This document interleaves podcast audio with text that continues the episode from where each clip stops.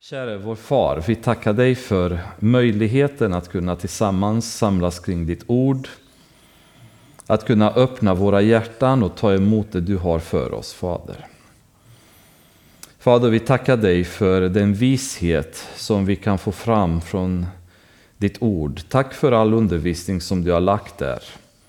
Tack för att du gett oss information om allt vi behöver veta, Herre alla praktiska grejer för våra liv, alla möjligheter att kunna lösa våra problem. Och om vi möter hinder eller om vi möter prövningar så finns det nyckeln till dem i ditt ord, Herre.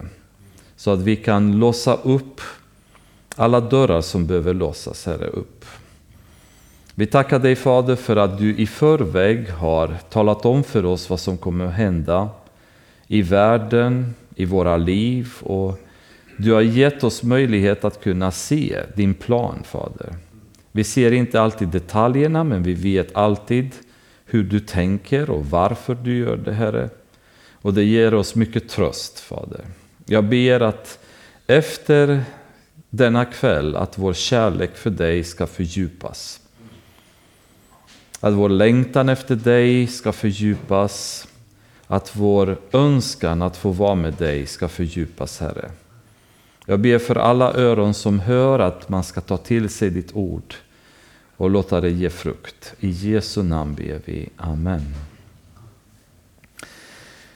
Så, um, kapitel 36. Återigen som jag sa, jag kommer inte läsa upp det, men det är ju det vi kan få fram ur kapitel 36, det är att Esau har insett att i Kanaan så fanns det inte tillräckligt med plats för både honom och Jakob. Och detta skedde innan Jakob återvände från Padanaram med sin familj och sina flockar som vi såg var enorma eftersom han hade samlat på sig en förmögenhet. Men vid det här laget så var det klart för honom att välsignelsen hade gått till Jakob och Jakob skulle ärva Isaks um, hela förmögenhet, så att säga. Hushållet, alla djur, allting som Isak hade. Som i sin tur hade blivit en väldigt rik och väldigt mäktig man vid det laget. Och Esau inser att det här kommer inte funka. Han kommer inte kunna um, bo i samma land som Jakob gör eftersom det finns inte utrymme att ha alla dessa djur där. Och då väljer han att flytta österut, sydösterut från ehm, Kanans Kanaans land, området runt Hebron, Beersheba där de bodde. Och så flyttar han mot Seirs berg då, i det land som sen kommer heta Edom. Ehm, Edomiterna kommer bli en blandning av Esaus folk och Seirs folk. De här två nationaliteterna kommer sen ehm, eh, gifta sig över gränserna och skapar en ny nation som sedan kommer att heta Edom. Och nationen kommer, bli, eh, kommer placeras ehm, norr om Midjan, som kommer ligga lite mer mot Saudiarabien, dagens Saudiarabien, och söder om Moab, då, som kommer att ligga mot nuvarande Syrien och eh, Jordanien, då, delar av Jordanien. Och däremellan så hamnade edomiterna. Och eh, det är ungefär berättelsen om Esau ska man säga slutar ju i princip här, även om man nämns på andra ställen i Bibeln i olika sammanhang.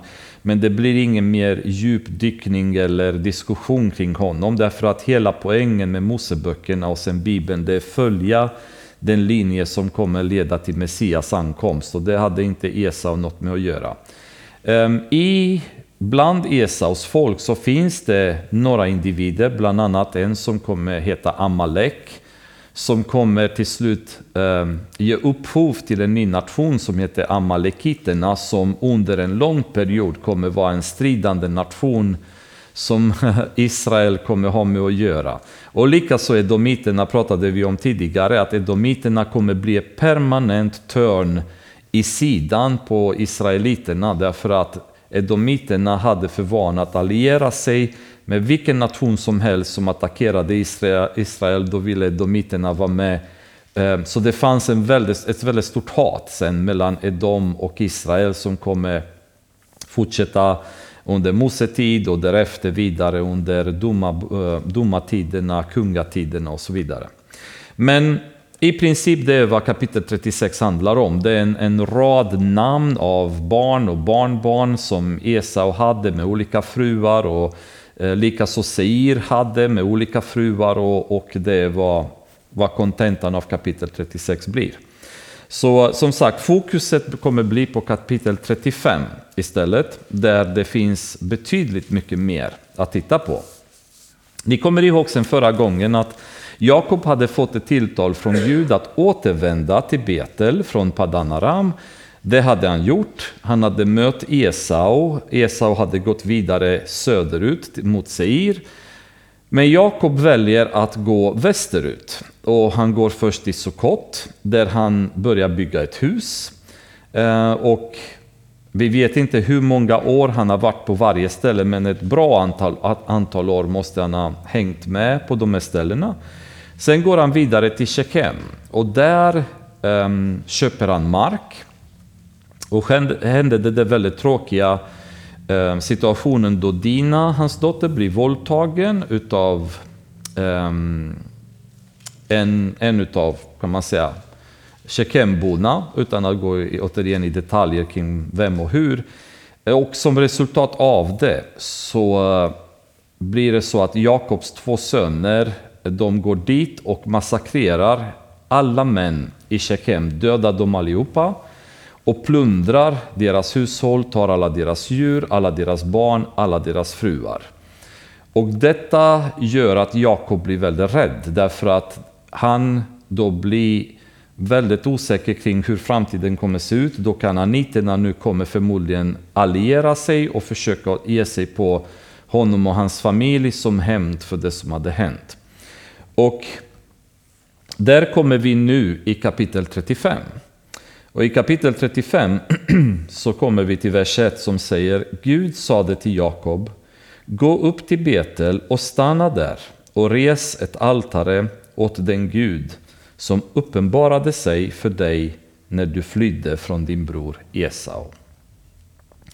Under många år så har Jakob vandrat omkring och kört sitt eget spel i olika former och ignorerat um, den kallelse kan man väl säga som Gud hade haft för honom och det löfte som han hade gett Gud. Så när han, han flydde från sin bror Esau, då var han i öknen och där såg han en, en stege som kom från himlen. Och då bestämde han sig att resa ett altare där, kallade platsen för Betel, det vill säga Guds hus, och sa att om jag kommer tillbaka, om allting kommer gå bra med mig, då kommer jag tjäna Gud och kommer ge honom tionde. När han var i Padanaram så hade Guds tilltal kommit till Jakob och sagt till honom återvänd till Betel, vilket han inte gjorde. Han började investera i fastigheter kan man säga i Sukkot och började investera i land i Tjeckien. Två ställen som inte hade med Guds kallelse att göra och var inte där Gud hade skickat honom till. Utan det var ställen som han själv av någon anledning valde att gå till. Och det, det är ju det här problemet som vi um, som får en kallelse. Många gånger så, så pratas det väldigt mycket i kyrkor om vikten av att finna din kallelse. Och ibland så kommer vi till den punkten där vi finner vår kallelse, men vi försöker att undvika att ta tag i den kallelse som vi har fått av Gud. För den kallelsen kan kännas obekväm eller lite grann mot det intresse som vi själva har. Um, och då är det problemet att hur mycket vi försöker att undvika den kallelsen så är det så att förr eller senare så finns det en stor sannolikhet att vi kommer ändå dit där Gud har kallat oss, men efter mycket möda och stort besvär på vägen. Och katastrof som vi kanske behöver uppleva och frustration och depression och alla möjliga typer av problem som vi kan ha på grund av att vi försöker att fly från Guds kallelse. Varför har Jona behövt vara tre dagar i valfiskens mage och inte kommit ut därifrån tidigare? Därför att under tre dagar har han konstant vägrat att omvända sig. Han var ju så sur, han satt som han beskrev i helvetet i, i fiskens mage, men föredrog det i tre dagar istället för att komma inför Gud och erkänna sin synd för att komma ut därifrån. Så människan envisas väldigt mycket att, att köra sin egen vilja och, och, och gå emot Guds vilja därför att vi tror eh, att det är mycket bättre. Vi har mycket bättre idéer än vad Gud har för våra liv. Han har inte riktigt förstått hur vi är. Han vill att jag ska predika, han förstår inte riktigt att jag är lite eh, folkskygg. Jag tycker inte om att vara framme på en scen. Eller han vill att jag ska vara med och köra lovsång eller sjunga. Och vet han inte att jag egentligen inte tycker så mycket om att stå inför folk. Han kanske vill att jag ska tjäna i församlingen och hjälpa till med praktiska detaljer. Men det tycker jag är lite tråkigt för att jag tycker att varför ska andra synas men inte jag? Ska jag bara stå i köket och, och skiva paprika? Det är inte så roligt. Fattar inte Gud att det här är inte något som jag tycker om? Och så vidare. Det finns alla möjliga sätt som vi försöker att undvika att ta tag i någonting som vi vet Gud har kallat oss till. Ehm, men förr eller senare så måste vi komma dit. Och efter alla dessa år av att Gud har väntat på att Jakob ska infria sitt löfte så går Gud till honom nu igen efter misslyckandet i Shekem och säger till Jakob Gå Ehm, upp till Betel och stanna där och res ett altare åt den Gud som uppenbarade sig för dig. Vad hände i Betel initialt med Jakob? När Jakob var i Betel så hade han sitt första starka mötet med Gud. Och den platsen säger Gud till Jakob, jag vill att du går tillbaka till den platsen där du hade ditt första möte med mig. Den platsen där första kärleken brann i ditt hjärta.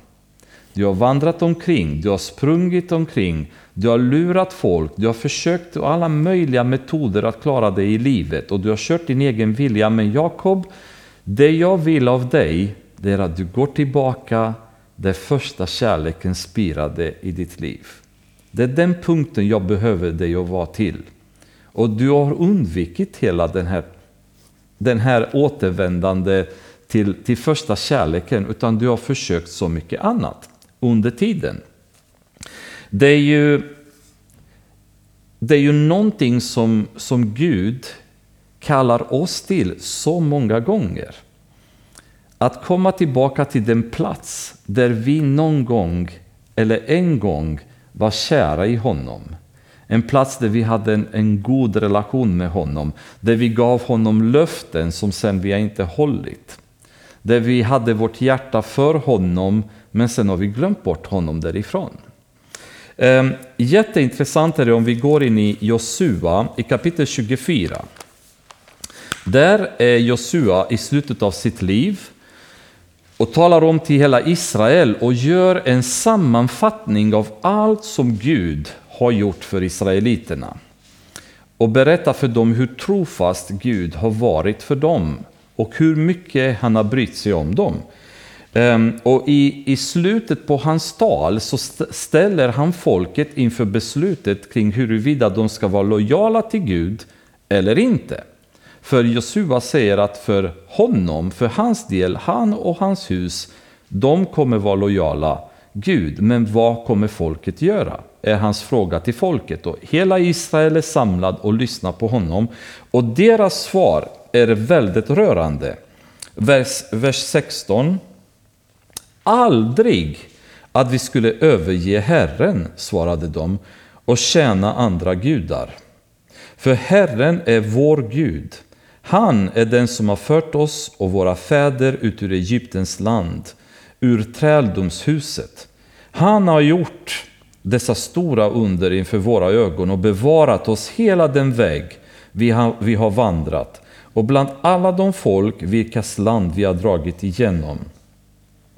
Herren har jagat iväg alla dessa folk för oss, också amoreerna som bodde i landet. Vi vill också känna Herren, för han är vår Gud. Josua sade till folket, ni kan inte känna Herren, för han är helig Gud. Han är en nitisk Gud och han kommer inte att tolerera era överträdelser och era synder. Om ni överger Herren och tjänar främmande gudar kommer han vända sig bort och låta det gå er illa och förgöra er efter att förut ha gjort er gott. Men folket sade till Josua, nej, vi vill tjäna Herren. Vilken fantastisk demonstration av kärlek och lojalitet till Gud. När de har stått och övervägt vad Gud har gjort för dem så brast hela folket i enad kör och sa vi vill känna Herren. Vi kommer aldrig överge Herren på grund av det han har gjort mot oss. På grund av allt gott som han har gjort. Och Josua säger, var försiktiga med vad ni säger. För Herren kommer inte tolerera att ni gör något annat. Och gör ni det, då kommer han vända sig emot er och de säger bara, att det finns inte på tal. Vi vill känna Herren. Hur var vår attityd när vi mötte Herren? Vad som helst som vi behöver göra kommer vi aldrig överge Jesus. När, han, när vi hade de här underbara stunderna med honom, när vi kände hur han kramade oss, hur hjärtat bara brast av heligandens uppfyllning. Vem utav oss någonsin då skulle trott att vi kommer tappa den kärleken för honom? Att vi inte kommer längta efter den stunden permanent i våra liv, som bruden längtar efter sin brudgum. Vem hade trott att det kommer gå dagar sen därefter utan att vi ens kommer prata med Gud, prata med Jesus. Vem hade trott att vi, det kommer gå dagar utan att vi läser Bibeln? Utan att evangeliet kommer i vår, ur vår mun, när förut så varenda människa vi kom i kontakt med, vi ville berätta om Jesus för dem. Vad är det som har hänt på vägen från det mötet vi hade i Betel med Gud tills idag? Var har vi vandrat igenom som har gjort att vi har förlorat eh, den här relationen med Gud och övergett den första kärleken som vi har haft för honom. För en gång i tiden var vi precis som judarna och vi kände bara aldrig att vi kan överge Gud. När vi stod i dopgraven och hela kyrkans kör sjöng och man trodde att himlen hade öppnat sig, vem trodde att det kommer en dag när en del av de här människorna som har stått i dopgraven skulle vända Gud ryggen. Att en del skulle till och med bli ateister efter att de har stått i dopgraven och tagit emot frälsningen och tagit emot heliga anden. Vem hade trott att dessa människor kunde sedan vända Gud helt och hållet ryggen? Vem hade trott att människor som hade kastat ifrån sig flaskor med, med dryck och kastat ifrån sig synd och, och tagit bort band med musik som inte var eh, enlig Guds vilja, att sen skulle återgå tillbaka till detta flera år senare. Vad är det som har hänt på vägen som gjorde att de här människorna har gett upp? Som hade den här entusiasmen i början och som hade den här glädjen för Gud och önskan att känna honom. I Jeremia i kapitel 2 det är en, ett väldigt hjärtskärande rop från Gud när han talar till folket genom profeten Jeremia. Så vi, vi tillåts för en liten stund att få en inblick i Guds hjärtesorg över människans attityd i att överge honom. I kapitel 2 så börjar vi eh, läsa från andra delen av vers 2.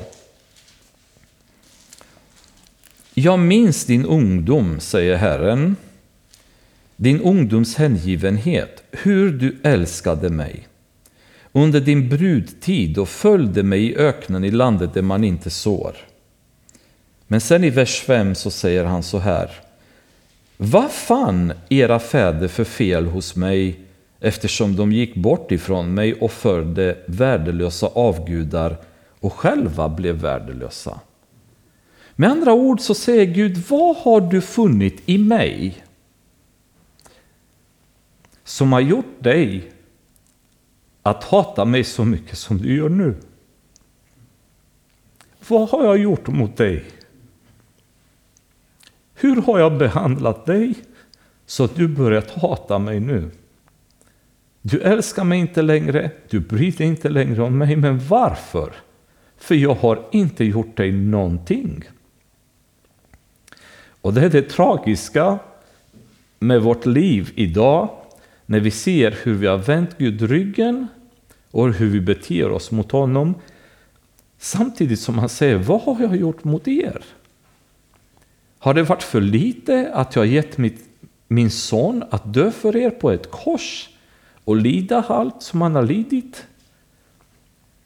Är det för lite jag har gjort?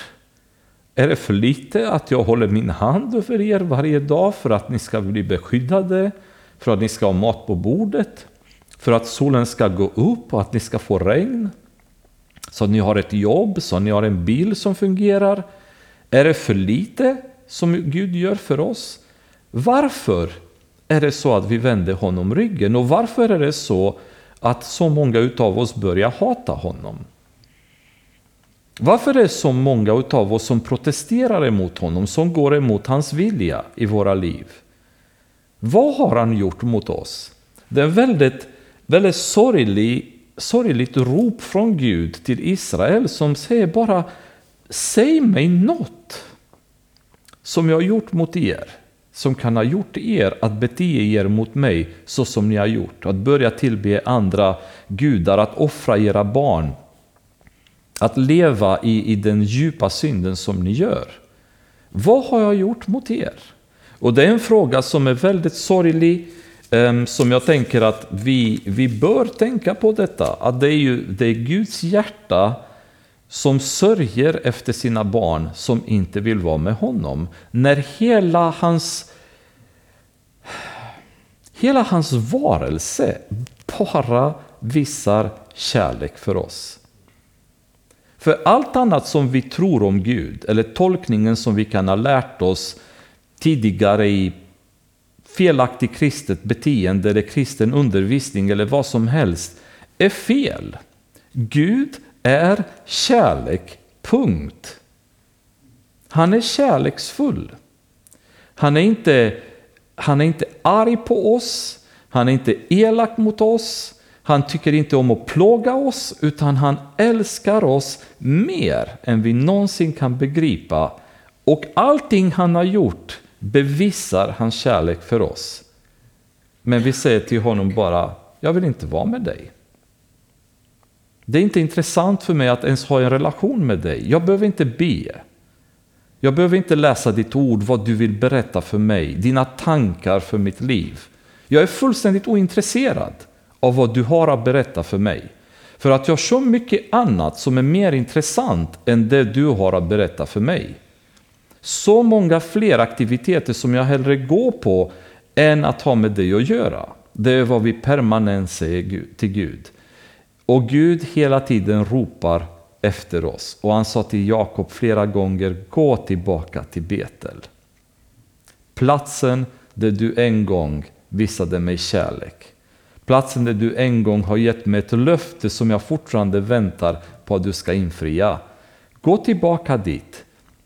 Låt bli Sukkot, dina investeringar, dina affärer, bygga hus, göra det du gör, köpa mark i Shechem och göra planer om hur du ska etablera dig där. Låt bli allt sånt här och gå tillbaka där första kärleken en gång var.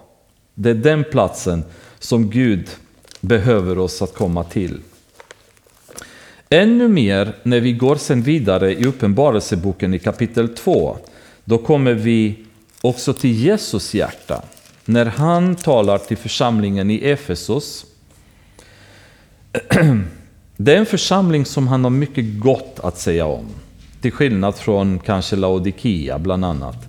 Som börjar på ett väldigt vackert sätt och säger Jag känner dina gärningar. Ditt arbete och din uthållighet. Jag vet att du inte kan tåla onda människor. Du har prövat de som kallar sig apostlar, men inte är det, och du har funnit att de är lögnare. Ja, du är uthållig och du har uthärdat mycket för mitt namns skull utan att tröttna. Med andra ord, om vi jämför de flesta moderna församlingar med den här församlingen, då måste jag säga att det här är en församling som många utav oss hade velat vara medlemmar i. En församling som verkligen tar sin tro på allvar. De är uthålliga, de kämpar hårt, de är hårt arbetande. Eh, de tolererar inte ondska i församlingen och tyvärr tittar vi på församlingarna idag, det är ju precis det det görs. Vi tolererar ondska att krypa in i våra församlingar i olika former. Allt det här um, interventionen av um, sexuella avvikelser i församlingar idag, det är fruktansvärt. Det är någonting som bara några år tidigare hade ingen kunnat föreställa sig, som nu tolereras att församling, av församlingar att inträffa. Eh, relationer, utom, utomäktenskapliga relationer, aborter bland kristna. Och vi kan dra en stor lista. Alkoholism bland kristna, drickande, eh, splittrade relationer, eh, konflikter och så vidare. Alltså allt det här tolereras av församlingarna. Det här var en församling som inte tolererade sånt. Ondskan tilläts inte i församlingen i Efesos. Vi är långt, vi är långt, långt, långt ifrån vad den här församlingen var. Hur seriöst de tog sitt, sin, sin uppgift. Och inte nog med det. Men de gjorde det som väldigt få gör idag. Det vill säga att grilla den undervisning som kommer in i församlingen. Och de tolererade inte de falska apostlarna. De prövade dem. Och hur prövade man? Ja, vi vet eh, kyrkan i Berea som prövade Paulus. De gick till skrifterna och sökte för att se om det han sa det stämde. Det var församlingen i Efesos. Exemplariskt på alla möjliga sätt jämfört med väldigt många nuvarande församlingar idag. Där tillåts villoläror komma in och svepa rakt igenom, förändra allt och sen kommer nästa villolära som kommer in och förändrar resten som finns att förändra. Och till slut så är det hela församlingen till inte gjord, eller perverterat eller korrupt. Det var inte församlingen i Efesus. De var väldigt trogna, väldigt uthålliga, väldigt hårt arbetande. De tog sin uppgift på allvar. Men Jesus säger, men jag har en sak emot dig. Och här är intressant. Han säger inte du har förlorat din första kärlek, utan han säger du har övergett din första kärlek. Det vill säga en aktiv handling som du har begått. Det är inte så att du har råkat bara tappa, eh, varit lite uppmärksam, tiden har gått, utan du medvetet har övergett kärleken du hade en gång för mig. Och Jesus säger, det här har jag emot dig. Du gör väldigt mycket bra, men om du gör dem utan fel anledning, om det du gör för mig inte är baserat på den kärlek som du ska ha för mig, då säger han senare, jag kommer flytta min närvaro från dig. Och i vers, um, i vers 5 så säger han, kom därför ihåg varifrån du har fallit och vänd om och gör dina första gärningar. Det vill säga, Jakob, gå tillbaka till Betel. Kom ihåg varifrån du har fallit. Kom ihåg den relationen som du haft med mig där. Kom ihåg de löftena du hade med mig där.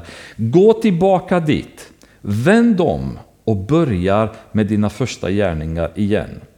Och det är ju exakt det Jesus vill från oss. Vi måste ransaka oss själva och se var någonstans på väggen har vi övergett vår första kärlek för honom. Inte som att bara råkat försvinna, utan vi har medvetet valt världen, valt oss själva före honom. Och han vill att vi ska gå tillbaka och pröva oss. Och se var, var har det här hänt? Var måste vi gå tillbaka för att börja om från början? För det finns inget alternativ att fortsätta och leva ett liv med honom utan kärlek. Och Paulus säger tydligt i första Korintierbrevet att vi kan göra vad som helst. Vi kan prata i tungor, vi kan lämna vår, vår själ för någon annan, vi kan göra you name it. Har du inte kärlek så är det fullständigt värdelöst. Fullständigt värdelöst. Och i, i Jeremia kapitel 2 säger Gud just det. Ni har följt värdelösa gudar och ni har själva blivit värdelösa. Värdet som vi har är i den relation vi har med Gud. Vad är en kristen? Vilket värde har en kristen som är bara kristen med namnet?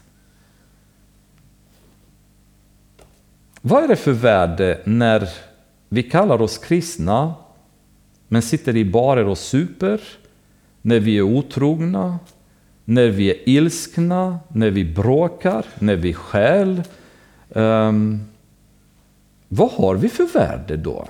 Är inte vårt värde i den relation vi har med Gud, i den frukt som kommer ur våra liv, när helige anden regerar vår, vårt liv och då kommer den här fina frukten ur vårt liv. Är inte det som ger oss ett värde? Och har inte vi den, vad har vi då i så fall? Då är vi varken kalla eller varma och det enda Jesus kan göra med oss är att spotta ut oss. För vi smakar illa i hans mun.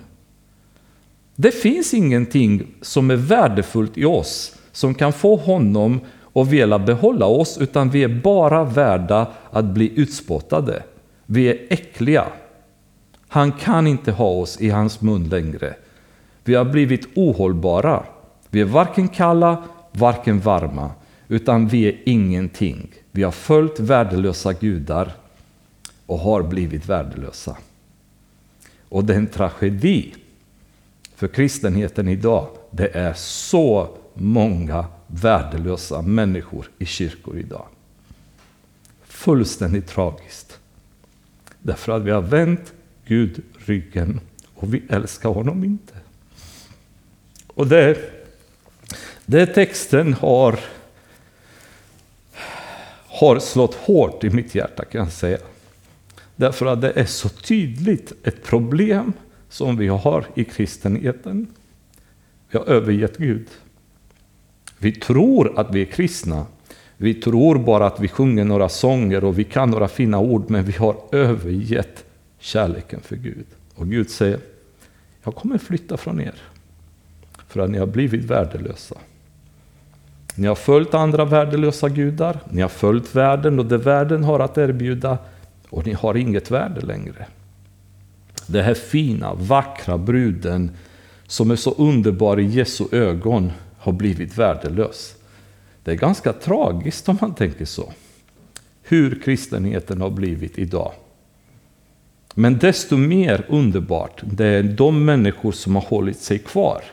Kyrkan i Philadelphia till exempel, som Jesus har bara goda saker att säga om. Det finns de människorna. Det finns sådana som inte har perverterat sig, som har stått lojala och tjänat Gud och älskat honom fortfarande. Men är vi de människorna? Det får vi rannsaka oss själva. Är vi bland dem eller är vi bland de värdelösa? Och vad är vår relation med Gud värt idag? Gud säger till Jakob att han måste, han måste tillbaka till Betel. Och han har försökt undvika det i många år, men det finns ingen annan väg. Och Jesus säger tydligt också i Uppenbarelseboken, vänd om. Kom ihåg var du har fallit någonstans ifrån och gå tillbaka dit och börja om med de där gärningarna som du gjorde då.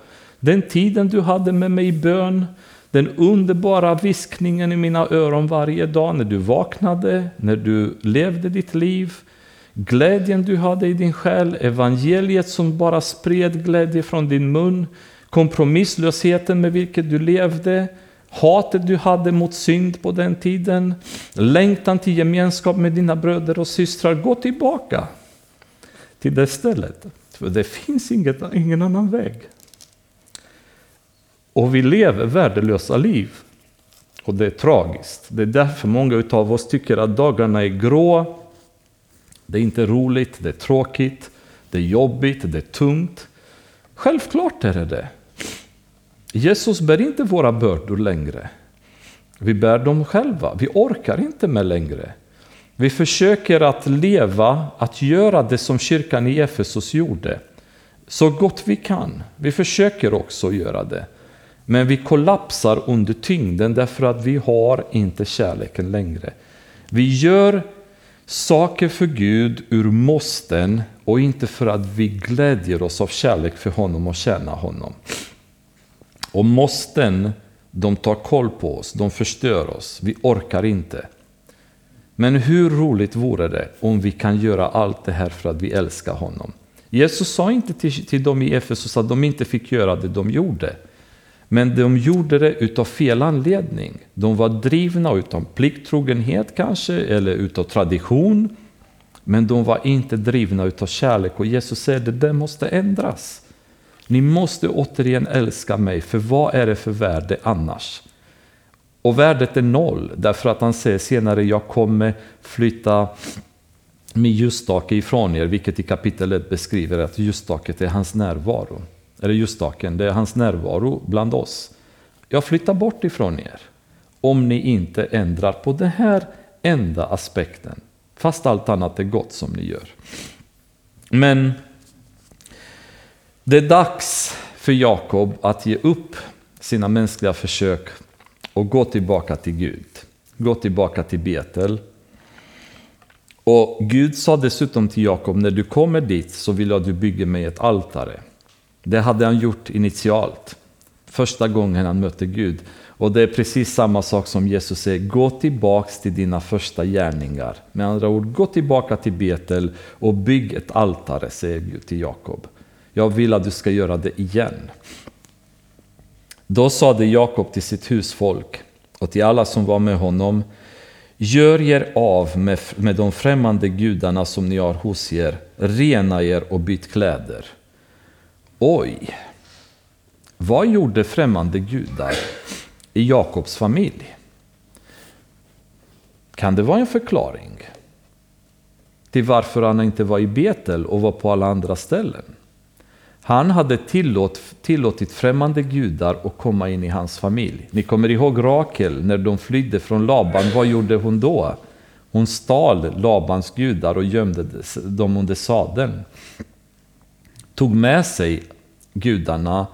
När de tog över Shechem, vad gjorde de då? De tog med sig barnen och fruarna därifrån som var vad? Kananitiska kvinnor, det vill säga från ett land som var djupt hedniskt och inte ett land som trodde på den riktiga sanne guden.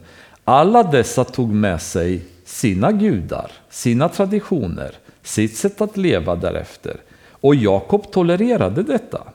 Istället för att ta sitt ansvar som familjehuvud och säga bort med alla gudar kasta bort dem, bränn dem, ni får inte ta med dem, vad som helst, så tillåter han Rakel att ta med gudarna. Han tillåter förmodligen kananitiska kvinnorna att ta med sig sina gudar. Och nu i mötet med Gud förstår han att det går inte längre.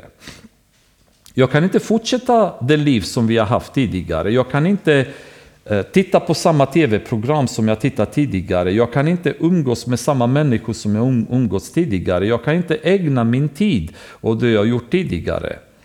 Jag kan inte gå och tillbe de ikoner i kyrkan som jag kanske tillbett tidigare. Jag kan inte tro på de, de falska teorierna som jag tidigare har trott på. Jag måste lämna alla de här falska gudarna ifrån mig och fokusera på den riktiga guden. Han hade tillåtit de här gudarna att infiltrera hans familj. Och det resulterar i att hans lojalitet till Gud börjar förändras. Han är inte lika driven, han är inte lika entusiastisk, han är inte lika villig. Därför att de här falska gudarna har tagit en del av hans familj. Och då måste man leva ett liv och tillfredsställa både kvinnorna från Shechem, både Rakel som vi vet inte, hon kan, kanske mycket väl trodde fortfarande på de här falska gudarna. Men nu fattar Jakob att det går inte längre. Så han säger till dem, gör, gör er av med de främmande gudarna. Rena er och byt kläder. Till och med det. Det vill säga, har du några kläder som representerar något annat i ditt liv än din tro på Gud? Har du saker på din kropp, Örhängen ser vi senare att de kommer kasta bort. Har du smycken, har du kläder, har du en hårfrisyr, har du någonting på din kropp som representerar någon slags del av din avgudadyrkan för världsliga avgudar? Istället för Gud, gör er av med det. Har du en tatuering som säger att det är fredstecken som är brutna korset eller något sånt där som du råkar ha sedan du var en rockare eller vad som helst. Få bort det. Ändra de, de grejer även i yttre delen av ditt liv. Så ingenting i ditt liv ska kunna vara en lockelse för dig att återgå tillbaka till det du var innan. Avsluta totalt det kapitlet i ditt liv. Byt kläder, gör dig ren för att kunna börja om på nytt. För att kunna starta allting från början. Utan att, att du tar med några laster som, som senare kan bli ett problem. Vi går upp till Betel, vers 3. Där ska jag resa ett altare åt den Gud som svarade mig när jag var i nöd och som var med mig på vägen jag gick. Så nu gör den klart att nu är det tillbaka till den riktiga guden. Och de gav Jakob alla främmande gudar de hade och alla sina örringar. Och Jakob grävde ner dem under terebinten i Vishehem. Sedan bröt de upp och en skräck från Gud kom över städerna runt omkring så att man inte förföljde Jakobs söner. Så de var rädda att kananiterna skulle ge sig på dem, men nu satte Gud en skräck i städerna så ingen vågade ge sig på dem och de kunde lämna området i fred. Och Jakob kom till Los, det vill säga Betel i Kanaans land, med allt folket som var med honom. Där byggde han en altare, ett altare och kallade platsen El Betel, därför att Gud hade uppenbarat sig för honom där när han flydde för sin bror. Väldigt spännande namn. Betel betyder, eller Betel hur man vill säga, betyder Guds hus. El Betel betyder Guds hus Gud. Och det är väldigt, väldigt intressant om vi stannar lite grann vid det. Därför att Betel var en plats där han hade haft ett möte med Gud. Men när han kommer dit och reser altaren, då säger han Det här är Guds hus Gud. Nu blir fokus istället för på platsen själv så blir det mer fokus på Gud. Gud som bor i Guds hus. Mer fokus på honom, mer eh, så att säga medvetande görande av att det här är Gud. Och ibland så tror vi att vi ska åka till någon plats kan man väl säga för att kunna hitta Gud. Att vi behöver gå till någon församling, vi behöver gå till något ställe eller kanske till någon plats i våra liv där vi har haft ett starkt möte med Gud.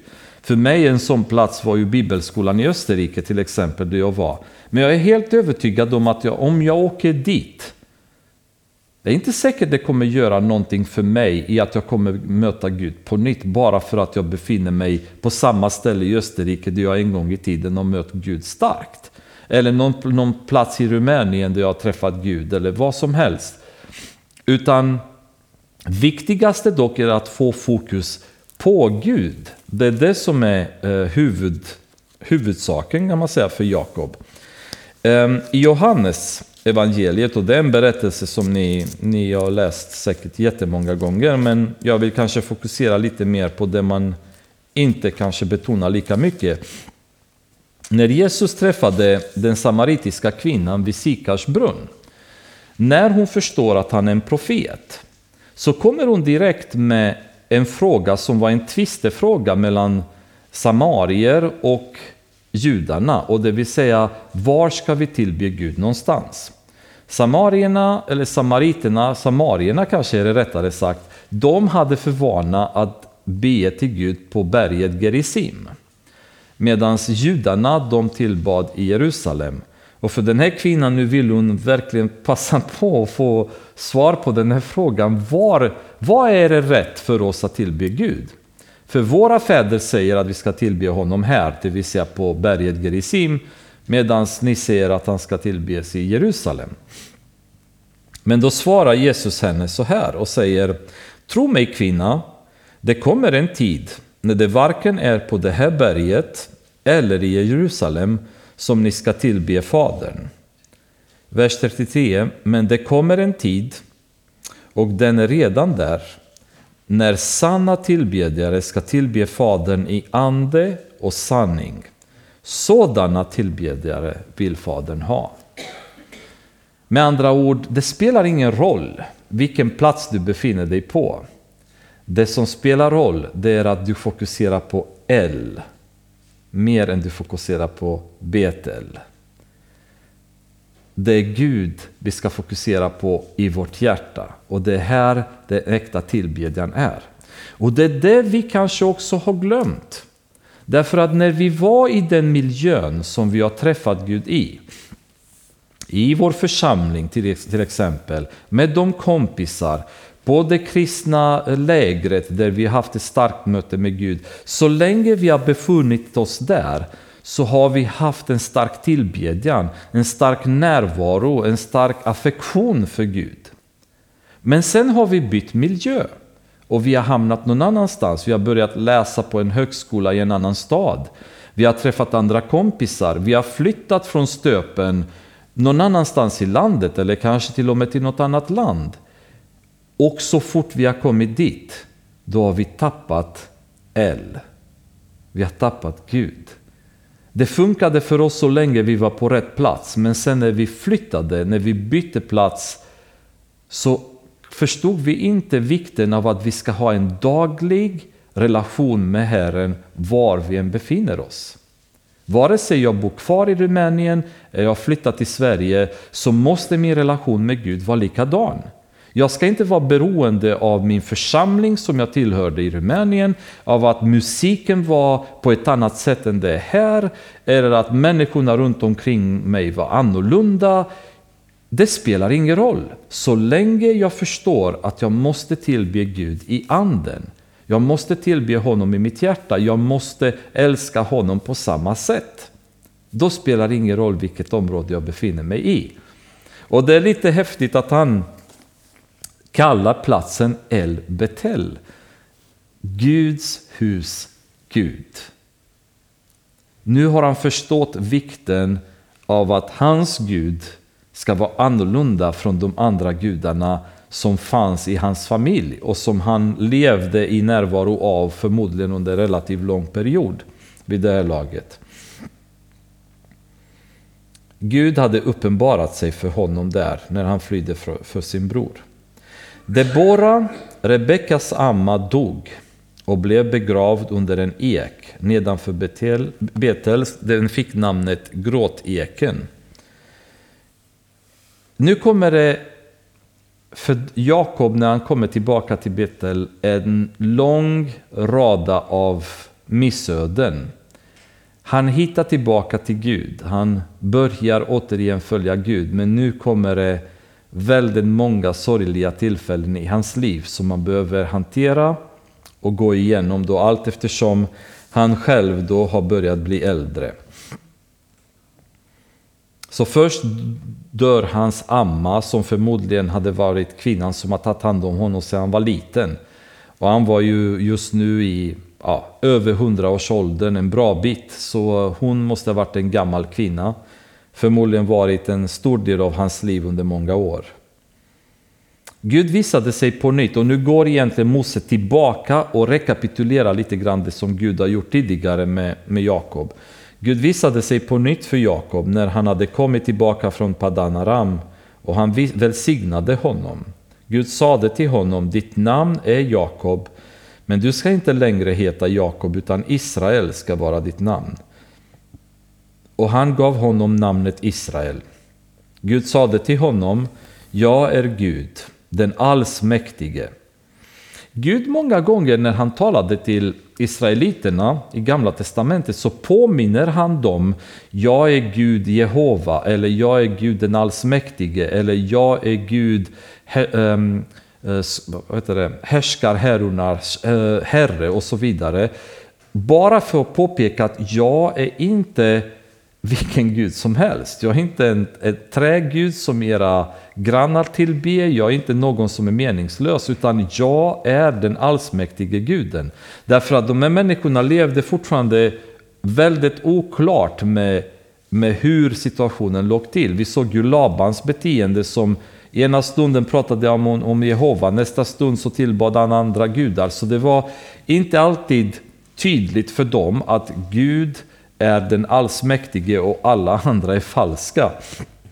Och han gör det väldigt klart för Jakob också i mötet som han hade med honom initialt att jag är Gud den allsmäktige. Så du bör ju fatta att du ska ta, ta det allvar när jag kommer tala till dig framöver då. Var fruktsam och föröka dig. Ett folk, ja många folk, ska komma från dig och kungar ska utgå från dig. Det land som jag har gett till Abraham och Isak ger jag till dig. Åt dina efterkommande ska jag ge detta land. Sedan steg Gud upp från honom vid platsen där han hade talat med honom. Och Jakob reste en stod på platsen där Gud hade talat med honom, en stenstod. Han offrade dryckesoffer på den och hällde olja över den. Jakob kallade platsen där Gud hade talat med honom Betel. Sedan bröt de upp från Betel. När det var en bit kvar till Efrata, vilket är nuvarande Betlehem, började Rakel föda och förlossningen var svår.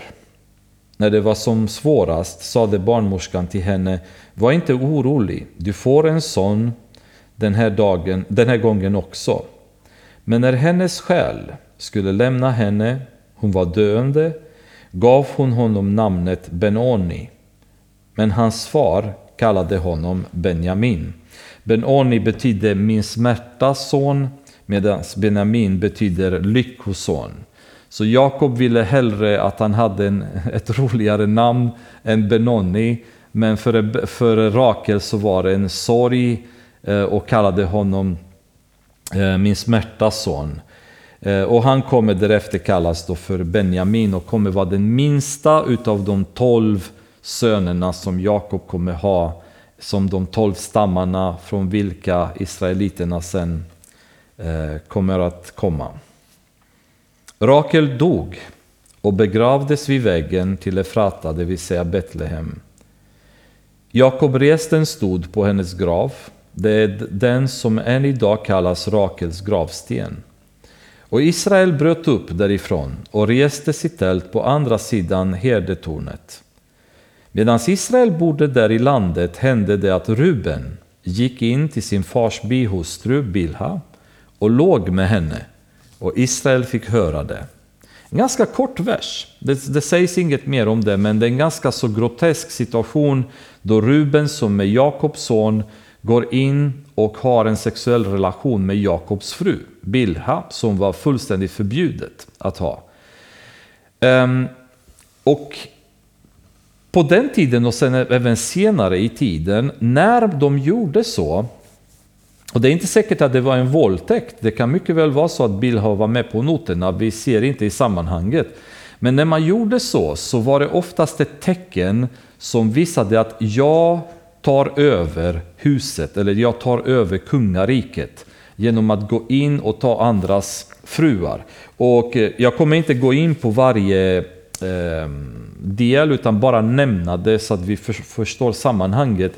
Eh, när Abner försökte att eh, resa sig mot Saul och eh, han slutade senare med att gick, han gick över till David. Eh, då eh, gjorde han så att han tog eh, en av Sauls bihustrur. Och när Ishboshet pratade med honom och eh, på något sätt kritiserade honom för det beteendet, då säger Abner i Andra Samuelsboken kapitel 3 att eh, hans plan var att ta över kungariket från Saul. Så det här var bara ett steg för honom i att ta över kungariket. Också i Andra Samuelsboken i kapitel 12, när David blir kung, så tar han över alla Sauls fruar.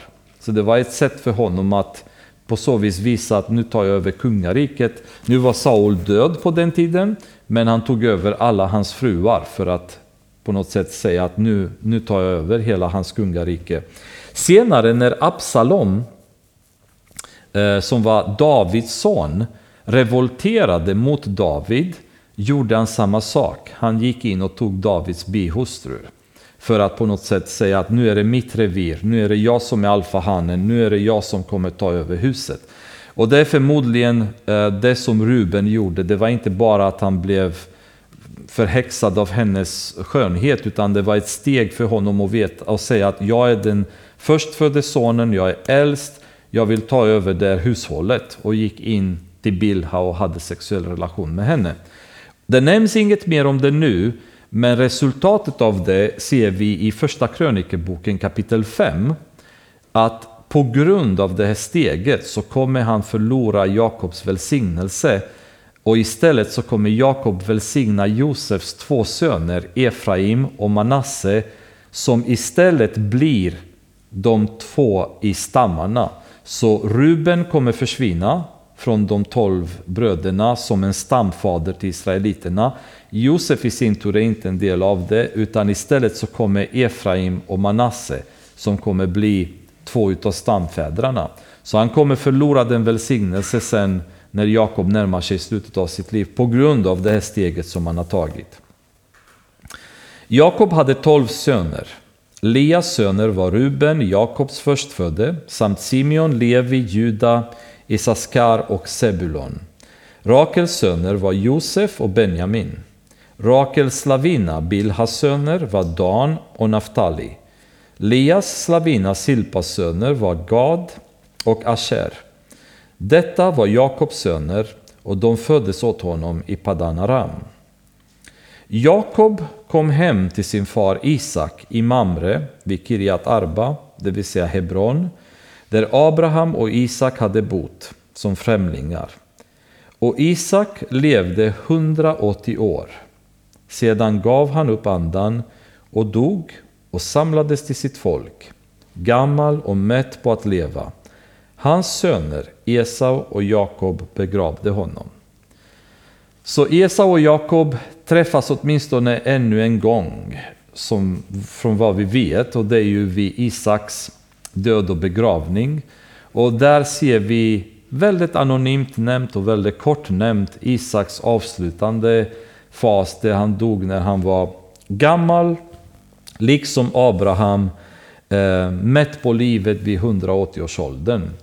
Eh, och vid den här tiden är Jakob i sin tur relativt gammal, men han kommer ha en liten tid kvar i livet. Men det kommer vi börja titta på efter sommaren. Och då kommer vi mer i Josefs liv som kommer utveckla sig till väldigt spännande höjder och lärdomar för oss eh, väldigt mycket. Fader, vi tackar dig för att ditt ord är alltid trofast. Tack för den kärlek som du har för oss, Herre. Fader, om det är någonting som jag önskar att vi ska ta från denna kväll med oss hem och bara komma fram till igen, Herre, det att kunna hitta tillbaka till den plats där vi älskade dig så mycket, Herre. Jag ber det för mig, för min familj, för församlingen, Herre. Jag ber att du ska hjälpa oss, Fader, att kunna ta itu med de här situationerna i våra liv som har gjort att vi har avlägsnat oss från dig.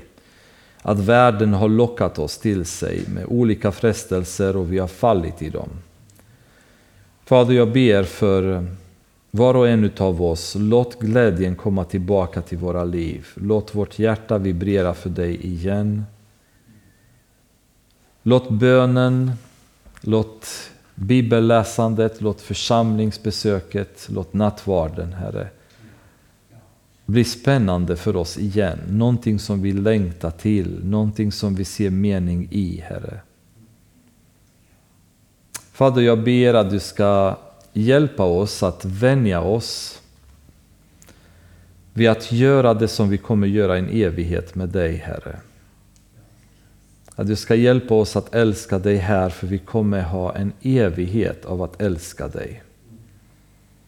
Jag tackar dig Fader att du inte har vänt ansiktet ifrån oss. Jag tackar dig att liksom förlorade sonens far så har du så många gånger bara väntat och väntat och väntat på att vi ska vända hem. Jag ber för den här församlingen, Herre. Låt församlingen i stöpen med alla oss som är här vara en församling som vänder hem, Herre.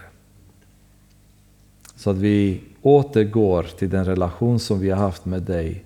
Vi har nu skador i våra liv, vi har ärr som synden har lämnat i våra liv. Vi är inte samma som vi var den dagen då vi älskade dig först, Herre. Men vi vet att du har en fin, ett fint klädesplagg som du har sparat åt oss när vi kommer tillbaka. Du kan upprätthålla vårt liv på nytt, Herre. Du kan ge glädjen tillbaka i våra liv. Du kan låta hjärtat slå igen för dig. Det som är omöjligt för oss är möjligt för dig, Fader. Och jag ber i Jesu namn att du ska hjälpa oss att göra det. För du ser att i egen kraft kan vi inget göra. Låt Jesu blod fortfarande täcka oss, Herre, för det enda som ger oss trygghet, det enda som håller oss säkra. Och Fader, jag ber att ingen av oss ska någonsin gå ifrån det blodet och avlägsna oss ifrån honom. För han är det dyrbaraste, det mest kära vi har i våra liv. Och även om elden har slocknat, Herre, i en del av våra hjärtan, Fader, jag vet att det finns i många hjärtan en liten, liten flimmer av en eld som fortfarande pulserar, Fader. Lite kärlek kvar för Jesus där. Jag ber att du ska låta din heliga Ande bara få den elden att explodera igen. Så att vi älskar honom på nytt.